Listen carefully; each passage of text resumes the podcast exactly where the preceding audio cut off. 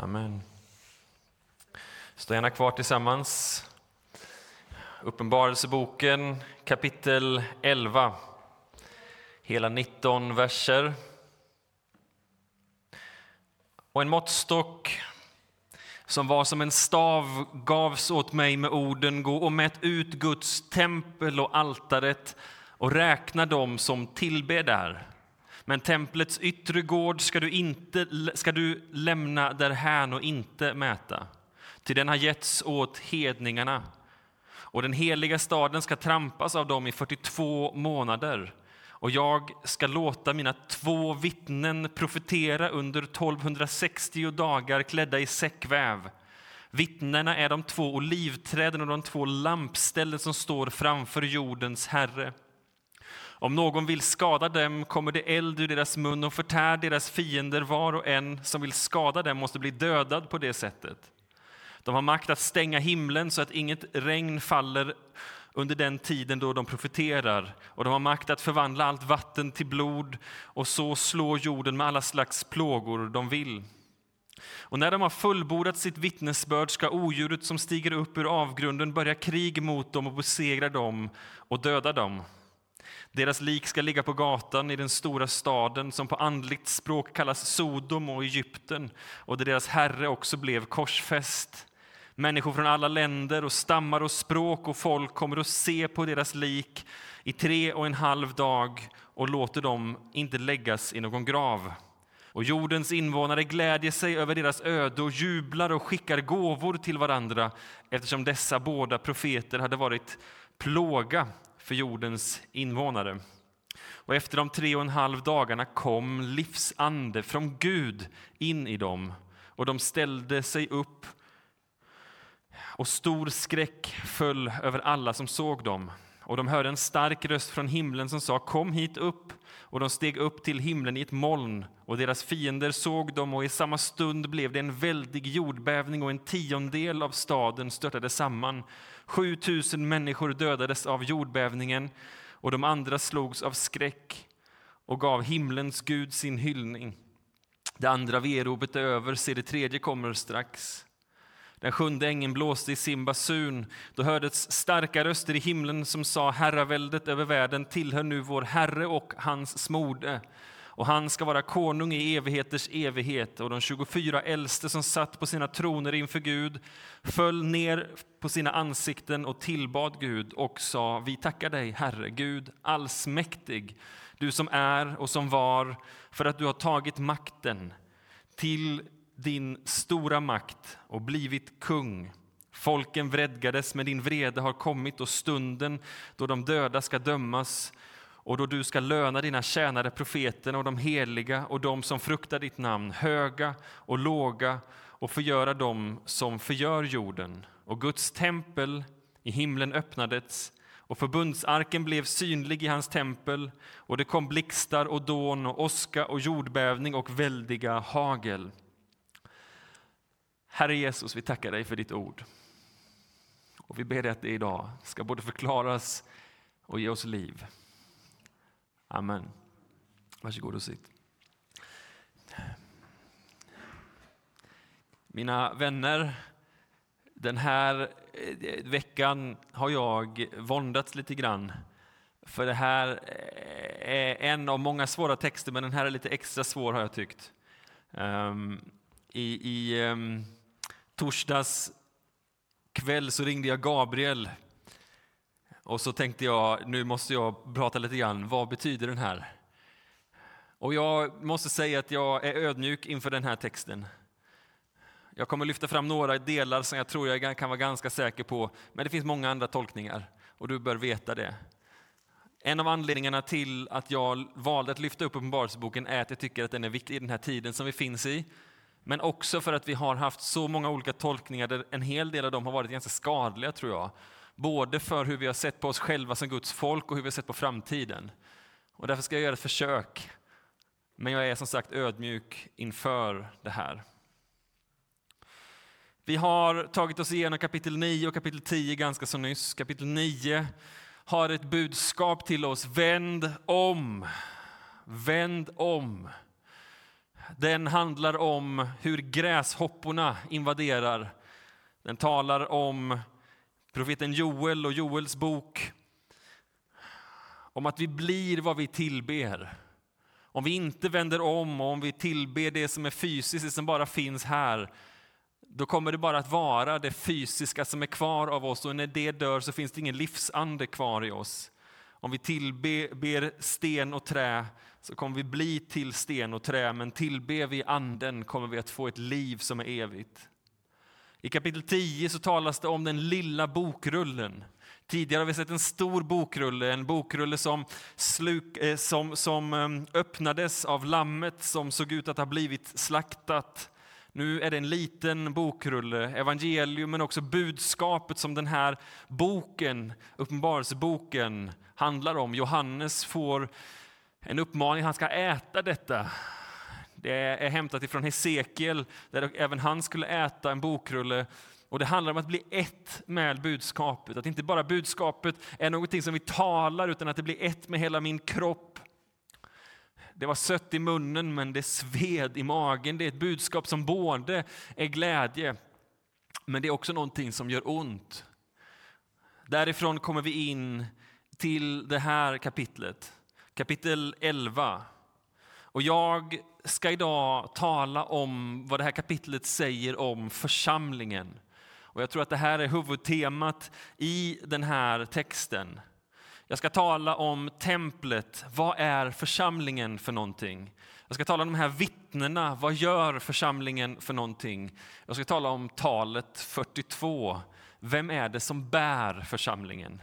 Vad är församlingen? Vad gör församlingen? Och vem bär församlingen? För det första, låt oss kliva in och tala om vad är församlingen? Församlingen här gestaltas i talet om templet. Och därför behöver vi tala lite grann om vad är templet för någonting. Templet är någonting som egentligen kommer ifrån ökenvandringen. Ökenvandringen där folket var på väg från Egypten till det förlovade landet och där Gud sa åt Mose, bygg det här tabernaklet, det här tältet där jag kan finnas och möta er. Just det där var det centrala, en mötesplats mellan människa och Gud. Det där tältet blev symbolen för platsen där himmel och jord möts. Det där tältet följde med generation efter generation ända tills det att Salomo regerade. David ville bygga ett tempel, men han fick inte det. Han hade blod på sina händer, så Salomo fick bygga det här templet. David hade förberett, han hade lagt upp lager på lager av material, så Salomo kunde bara trycka på ett stor liksom, nu kör vi-knapp. Och så började han bygga ett av de största byggverk som eh, dåtiden hade sett. Det här blev Salomos tempel, det första templet. Det invigdes och hade olika liksom, avgränsningar. Man kunde kliva in till folkets förgård, sen var det prästernas förgård, sen kom man in till det heligaste och sen var det det allra heligaste dit bara prästerna kunde gå en gång om året. Det här var en bild på hur himlen såg ut. En bild på hur avgränsat det var. Att man kunde inte komma in till det allra heligaste. Samtidigt så är det en dubbelhet i det här. Vi kan inte nå Gud, det allra heligaste. Men samtidigt så är då templet en symbol för att Gud är här, närvarande bland oss. Inte bara är den kristna tron i Jerusalem viktig, Jerusalem är viktig självklart för judarna men också för muslimerna därför man tänker att den här platsen där templet stod är viktig för Gud som liksom mötesplatsen mellan himmel och Gud, mellan himmel och jord. Här talar man om att detta är liksom världens navel, världens centrum. Allting kretsar kring Jerusalem. Man tänker att den platsen där templet byggdes var platsen där Abraham offrade Isak. Det är platsen där Gud vill försonas, det är den platsen där det är som allra, allra närmast mellan himmel och jord. Gud finns här, tänker man. Det vill säga, det är inte bara byggnaden som är det viktigaste, platsen, men också symboliken är viktig. Sen kommer vi till den tiden, 600-talet före Kristus, då templet förstörs av babylonierna som kommer in och förstör det här magnifika templet och tar folket till fånga. Då kommer profeten Hesekiel. Och i en syn så förs han till tempelplatsen.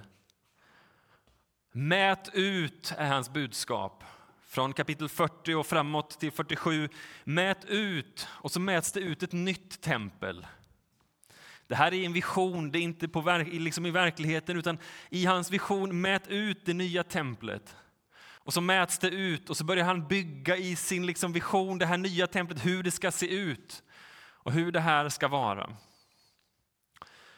Sen så byggs det nya templet, inte av Esekiel, utan Nehemja och Esra i de böckerna kan vi läsa om hur det här nya templet byggs upp och Herodes är den som fullkomnar det här templet och det nya templet kommer till slut att bli ännu mer fullkomligt, ännu större än det andra templet har varit. År 70 så rivs det igen. Det andra templet i slutet, ungefär den tiden då Jesus finns, är inte det som alla judar önskade att det skulle vara. Grupper runt om i Israel ser förfallet. Det moraliska och det andliga förfallet som finns. Så de ser till Hesekiels syner och säger detta andliga tempel som han talar om, det är det viktiga. Det fysiska templet är inte det viktiga, utan det andliga templet är det viktiga. En grupp som bor ute vid Döda havet, kallas för Qumransekten, talar om det här och säger att det viktigaste är inte att vi offrar i templet, utan att vi själva är ett tempel. Att vi lever som att vi vore Guds tempel, att vi får bli till en mötesplats mellan himmel och jord. De i templet de tror att de offrar till Gud, men vi ger det sanna offret.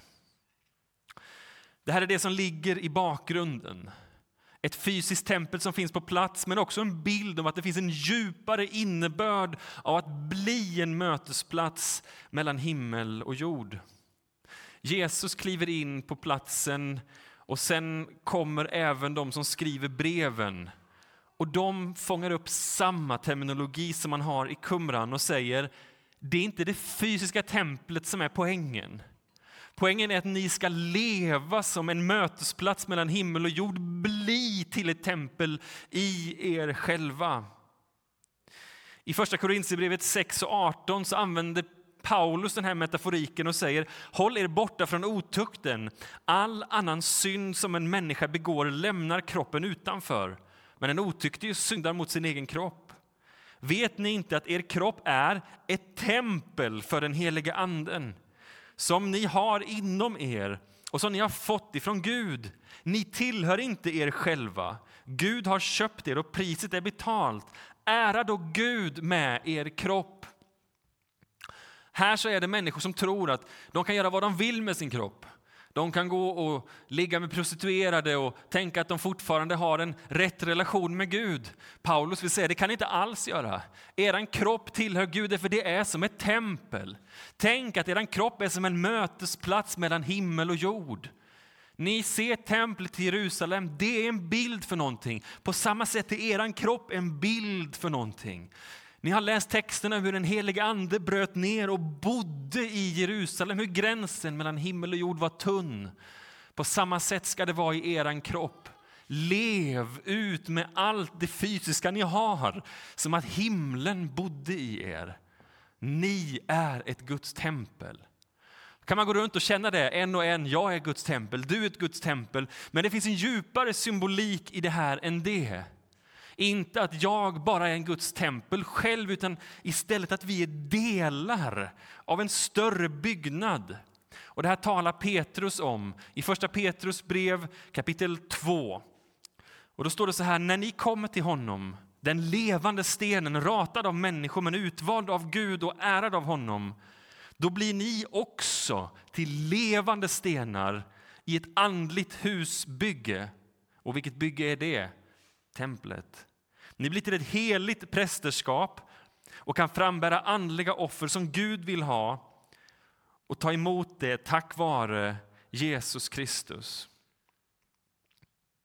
Guds ande bor i din kropp, men ni är till levande stenar. Och på samma sätt så byggs liksom metaforiken upp. Ni är ett tempel där var och en av er blir till en sten. Ni hör ihop och bygger ett tempel här på jorden. Se på Jerusalem, hur det där templet är en symbol för någonting större. Ni är den symbolen i en ny tid. Bli till det templet. Lev som det templet. Låt den bilden få genomsyra ert medvetande. Det är budskapet. När vi kliver fram och tar nattvarden så står det i Första Korinthierbrevet att vi blir till en förkunnelse. Det handlar inte om att prata. Det handlar om att leva och att detta får bli någonting i oss. Innan det så har Paulus sagt vissa av er dricker en dom över sig själv. Hur då? Därför att vi inte lever ut det här budskapet, därför att några sitter och är hungriga, andra sitter och är törstiga, några är berusade och vissa får överflöd av mat. Lev ut budskapet om enhet. Se till att ni är enade så som den bilden ni har klivit in i. Och Det här är en utmaning till oss idag. Att vi som församling inte bara kommer och hör budskapet utan att vi får bli till budskapet. Vi behöver vara enade.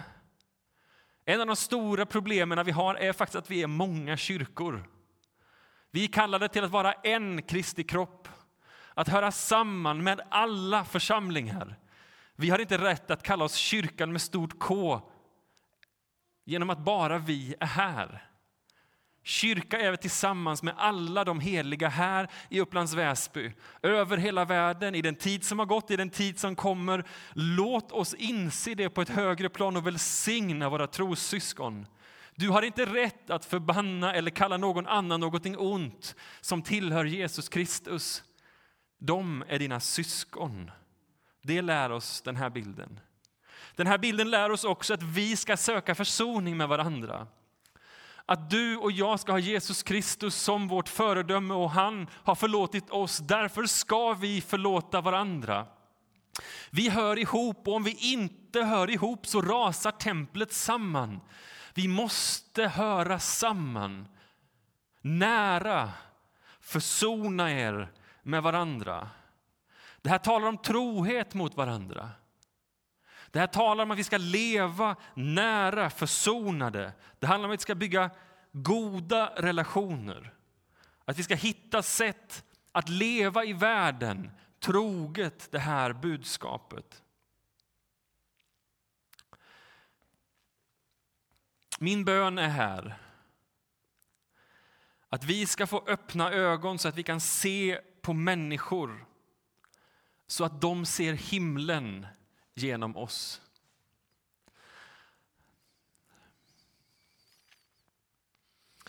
Att vi kan få öppna ögon och öppna ögon på andra människor så att de kan se himlen genom oss.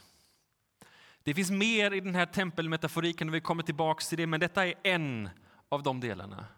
Du är kallad till att vara ett Guds tempel. Ta det på allvar. Den andra delen handlar om de här vittnena. Vad är det församlingen gör för någonting? Jag har ju sett de här filmerna Left behind. Det är ju kanske några av er som har gjort det tillsammans med mig. Och där så tänker man att detta skulle vara vittnen som faktiskt i slutet, sista tiden kommer att det kommer stå två vittnen i Jerusalem. Och jag vågar säga att det där är en alltför bokstavlig tolkning av vad den här texten talar om. Den här är en bildlig text en väldigt komplex bild och jag ska ta den i några olika nivåer och hoppas det inte blir allt för komplicerat att hänga med. Jag tycker ändå att det är en någorlunda klar bild som visas. För det första så är de här två vittnena som kommer där i Jerusalem, det är Mose och det är Elia. Det är lagen och det är profeterna. Mose är det ena vittnet, Elia är det andra vittnet. Den ena representerar lagen, den andra representerar profeterna och båda dessa pekar framåt mot Kristus. Lagen och profeterna förkunnar Kristus, pekar fram emot Kristus. Nu kommer de här och står i Jerusalem och pekar med allt vad de är mot vem Jesus Kristus är. Vi känner igen dem från förklaringsberget. När Jakob, när Johannes och Petrus följde med Jesus upp så var det två stycken vittnen som stod där. Det var Mose och det var Elia och de stod där tillsammans med Jesus och de pekar på honom och säger detta är honom som vi handlar om. Det här är samma text en gång till skulle man kunna säga. Två vittnen var det som man behövde för att ett vittnesbörd skulle vara giltigt. Ett vittnesbörd i en domstol där det bara var en som sa någonting, det var inte giltigt och alla visste det här. Därför är den här bilden tydlig, det är inte en, utan det är två. För när båda talar så vet vi detta stämmer. De är klädda i säckväv, står det. Profeterna var klädda i säckväv. De var det som en symbol för att de kommer. De sörjer och de talar till en värld för att tala omvändelse och dom. Deras säckväv representerar sorg för att de ska tala omvändelse och dom. Det står att de har makten att göra vatten till blod. Och Det där talar om Mose och vad han gjorde i Egypten. De har makten att stänga himlen så att det inte längre regnar. Och Det där talar om Elia och vad han fick göra mot Ahab och Israels folk. Och så ser vi att det här är ganska tydligt att det här talar om Mose och det talar om Elia. Men förutom det finns det ett annat lager på den här texten som också, vågar jag påstå, är lika uppenbart. Det talar om Serubabel och Josua och så undrar du vem katten är Serubabel. Vi ska ta oss dit. Och Det som den här texten också vill säga är att den talar om att det är kungar och präster och att vi har rätt att kliva in i det. Det står beskrivet om lampställ och olivträd och om två vittnen. Och alla de som kunde Gamla testamentet förstod direkt att det här hänvisar till en text i Sakarja kapitel 4 som också talar om lampställ, om olivträd och om vittnen. Och därför ska jag läsa en del av den texten nu. Sakarja 4, kapitel, eh, kapitel 4 och vers 1. Innan vi läser den här texten ska du veta att här så har vi en text, Sakarja är när Israel har kommit tillbaka, när judarna har kommit tillbaka till Israel, till Jerusalem och de ska bygga upp templet och det har stannat till. Det är motstånd överallt. Alla verkar vilja att det här templet inte ska byggas. Och så står de där, kungen Serubabel och prästen Josua. Och de har ingenting kvar. De vet inte hur de ska få det här att funka. Hur ska vi kunna bygga det här templet? Templet som representeras av Josua och hela staten som representeras av Zerubabel. De går tillsammans och de har ingen aning. Och då kommer den här texten in. Ängeln som talade med mig kom tillbaka och väckte mig som när man väcker någon ur sömnen. Han fattade han frågade, vad ser du? Jag svarade, jag ser ett lampställ helt av guld med en skål ovanpå. Där sitter också sju lampor. Kan du se lampställ, sju lampor och varje lampa ovanpå därpå har sju pipor. Två olivträd står bredvid, ett till höger om skålen och ett till vänster. Jag frågade ängeln som talade med mig, vad betyder detta, Herre? Han frågade, förstår du inte vad det betyder? Nej, Herre, och det kan jag också känna ibland, nej, det, det gör jag inte. Då sa han, de sju är Herrens ögon som överblickar hela jorden. Jag frågade honom, vad betyder de två livträden till höger och till vänster om lampstället? Och jag frågade honom, vad betyder de båda olivträden som leder ner den gyllene oljan genom de två gyllene rören? Förstår du inte vad det betyder? frågade han. Nej, herre, svarade han. Då sa han, det är de båda smorda, det vill säga Serubabel och Josua, som står inför hela världens Herre. Det är de båda smorda som står inför världens Herre. Detta är Herrens ord till Zerubabel.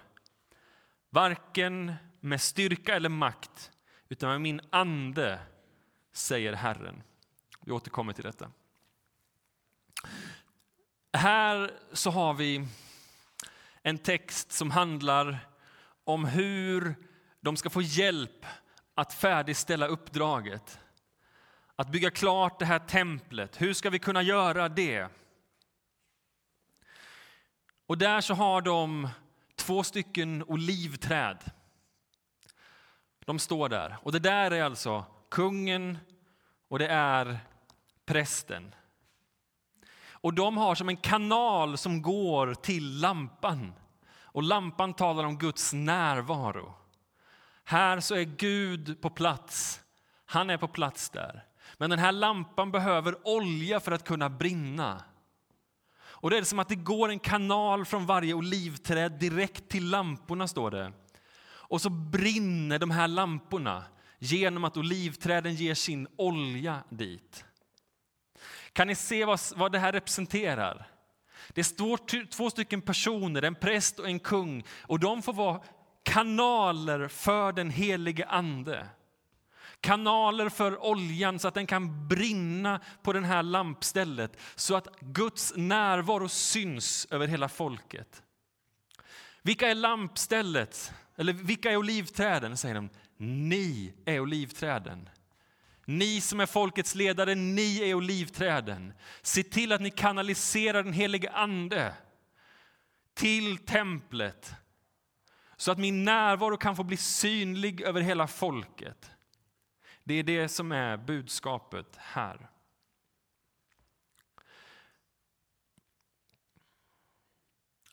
Än en gång går vi till första Petrus kapitel 2, texten som vi nyss har läst.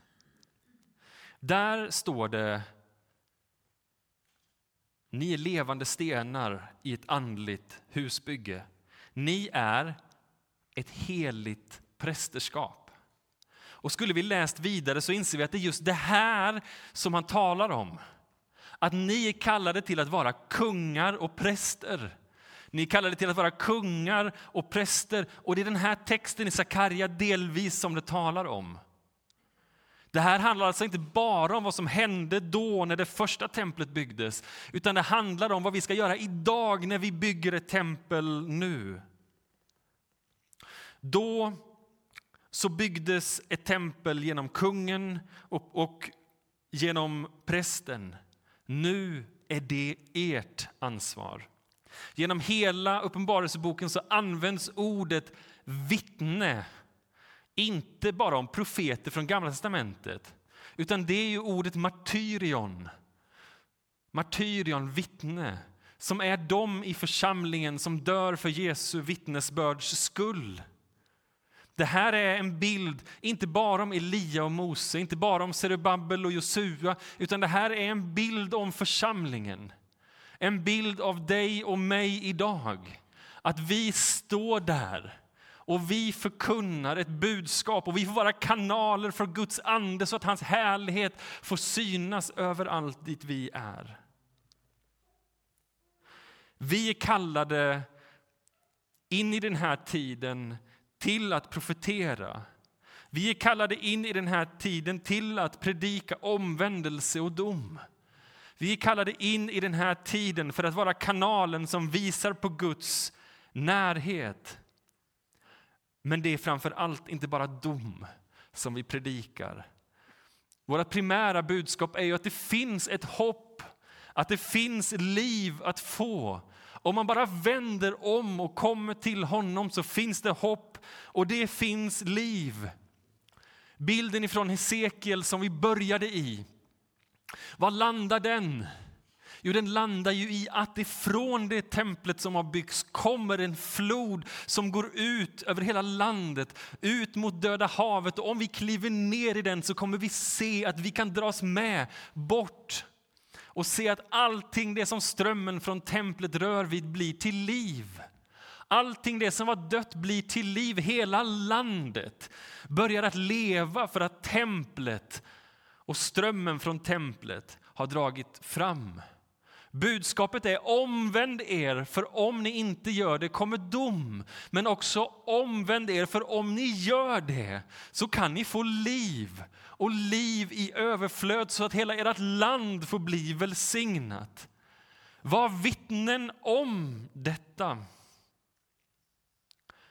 Men så står det att världen inte ville höra. Att världen inte ville höra vad profeterna sa, vad vittnena talade om. Och så står det att världen övervinner vittnena. Dödar dem och de ligger där och man ger gåvor till varandra. Man applåderar och säger tack och lov för att de är döda. Församlingen kan se slagen ut.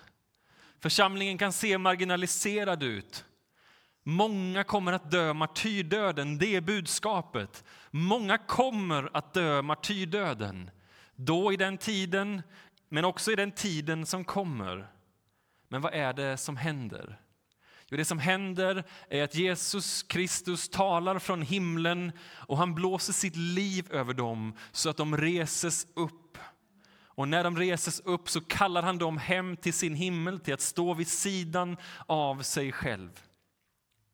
Det som händer här är att församlingen får löftet om liv även om ni dör. Om ni står där och är vittnen för mig så kommer ni leva om ni än dör. Världen kommer hata er, världen kommer avsky er. Ett budskap är ingenting som världen vill ha. Men om ni står fast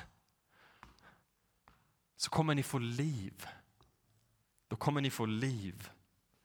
Och här kliver vi in i bilden av Mose.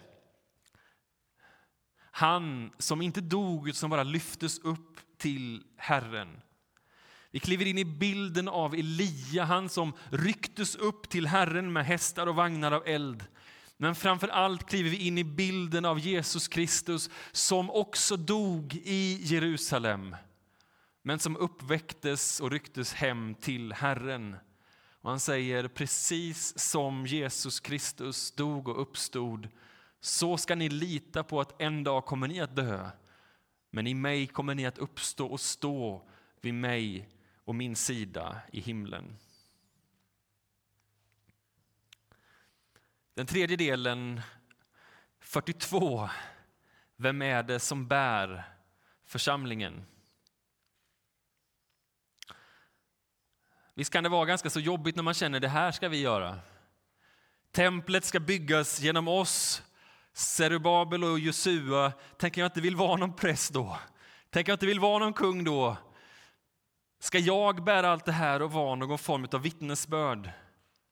Men visst är den här texten fantastisk när den fortsätter. Detta är Herrens ord till Zerubabel. Varken med styrka eller makt, utan med min ande, säger Herren. Den gamla översättningen sitter. Icke genom någon människas styrka eller kraft ska det, ska det ske, utan genom min ande, säger Herren. Inte genom någon människas styrka eller kraft ska det ske, utan genom min ande, säger Herren. Det är jag som ska göra det här. Vem du än är, du stora berg, inför Serubabel ska du bli slät mark. Han ska föra fram sl eh, slutstenen medan man ropar nåd och välsignelse. Herrens ord kom till mig, Serubabels händer har lagt grunden till detta hus. Hans händer ska också fullborda det. Då ska ni inse att det är Herren Sebot som har sänt mig till er.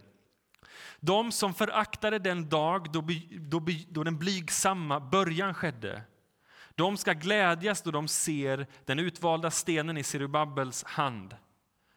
Och än en gång kommer vi ihåg den gamla översättningen det står förakta inte den ringa begynnelsens dag.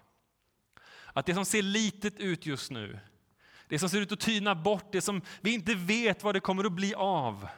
Det är Guds ande som har sått detta Förakta inte den ringa begynnelsens dag, därför att det är Guds ande som verkar. Han kommer föra det till seger. Vem bär församlingen? Ja, inte är det vi. Vi får vara med som byggstenar, men vi har formats ut efter hans bild. Det är han som kommer att föra det här verket framåt.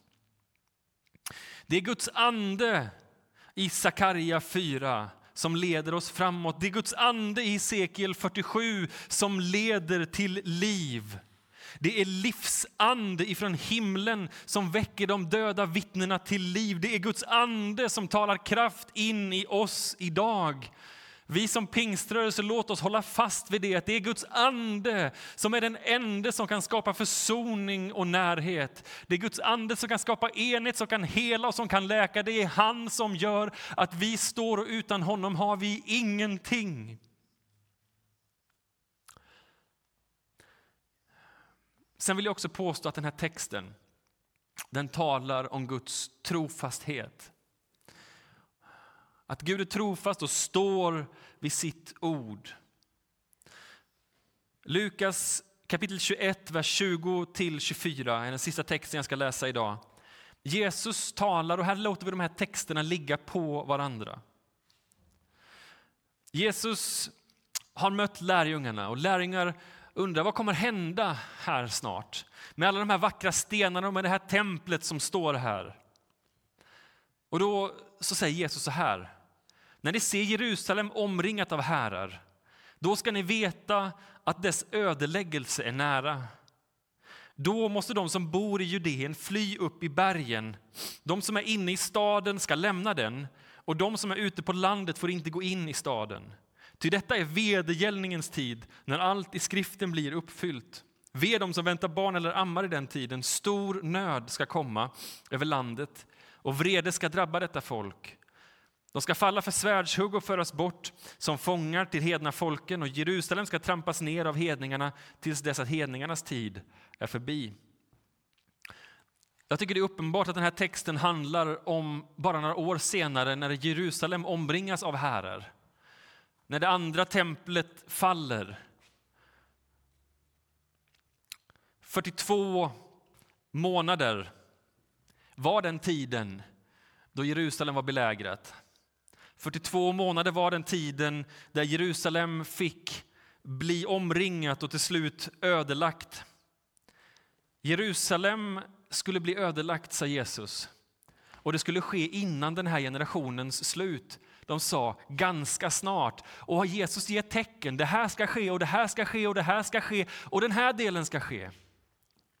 Församlingen hade fått den här boken. De hade hört Jesus säga detta. Och sen ser de vad som händer. Jerusalem blir omringat av härar. Och de läser och säger det är ju detta som händer just nu. Så vet ni vad församlingen gör? De samlar varenda kristen och säger Jesus har talat om det här. Om han står vid sitt ord så kommer han rädda oss. Men vi ska ta vårt ansvar och det står fly till bergen. Så de kristna tar och gör just det. De tar och samlar kyrkan och de flyr därifrån. De vill inte försvara Jerusalem, därför de förstår att Jerusalem kommer falla. Så de går ut i bergen och på ett mirakulöst sätt så klarar sig hela församlingen ifrån att gå under när Jerusalem faller. När vi ser en sån här sak så kan vi se att några år tidigare profeterades, sen hände, vi lyssnade och vi gjorde och det blev som han hade sagt. Han har omsorg om sin församling om vi lyssnar till honom. Den här texten talar också om att templet kommer att raseras. Om att han är trofast. Och att om vi står vid hans ord så är han trofast även idag. Han har talat vi följer hans ord, vi ser att det händer. Om han talar idag, låt oss tro att vi kan få lyssna till det, höra hans ord och låta det ske igen. Han står för det som han har sagt. 42 månader var det torka för Elia. 42 månader var Jesu verksamhet på jorden. 42 månader är också våran tid just nu. En symbol för oss där vi kliver ut i vårt uppdrag och ska vara ett tempel, ska vittna för världen. Låt oss ta det uppdraget på allvar. Uppenbarelseboken talar om de två städerna. Om Jerusalem och om Babylon. Om vår kallelse till att leva i det sanna Jerusalem med blicken fäst på honom. Det talar också om de två kvinnorna. Det talar om bruden och om skökan. Den som var trogen honom och den som var otrogen honom. Allting i hela Uppenbarelseboken är en stor, enda stor kallelse till oss som församling. Var det sanna Jerusalem. Var bruden som är trogen honom. Boken inleds till Efesos. Omvänd dig, vänd tillbaka till den första kärleken. Glöm inte vartifrån du fallit. Och låt det här få vara ett budskap till oss idag. Hitta tillbaks till din kärlek till Jesus Kristus. Hitta tillbaks till din trohet till honom. Sök honom på dina knän och finn den kallelsen som finns i ditt liv. Lämna inte den väg dit du började. Bli inte i den bemärkelsen ljum, utan kom tillbaks till honom en gång till. Fäst dina ögon på Jesus, han som är trons upphovsman och fullkomnare. Han vill leda dig nu framåt. Du är kallad till att bli en del i ett tempel. Du har en utmaning och en uppgift att bli ett vittne i den här tiden. Inte bara till dom, utan också till välsignelse vart vi än rör oss. Han är trofast.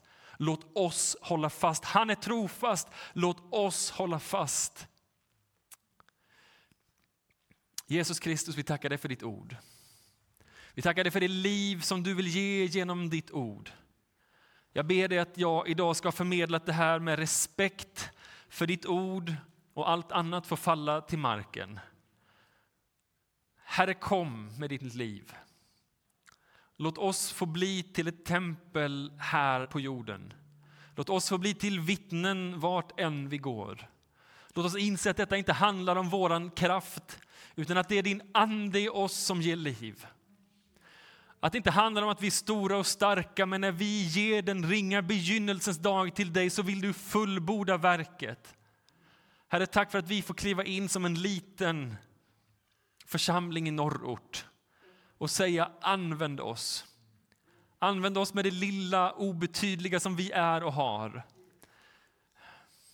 De gåvor som vi finns i, den ekonomi som vi har, de familjer som vi representerar.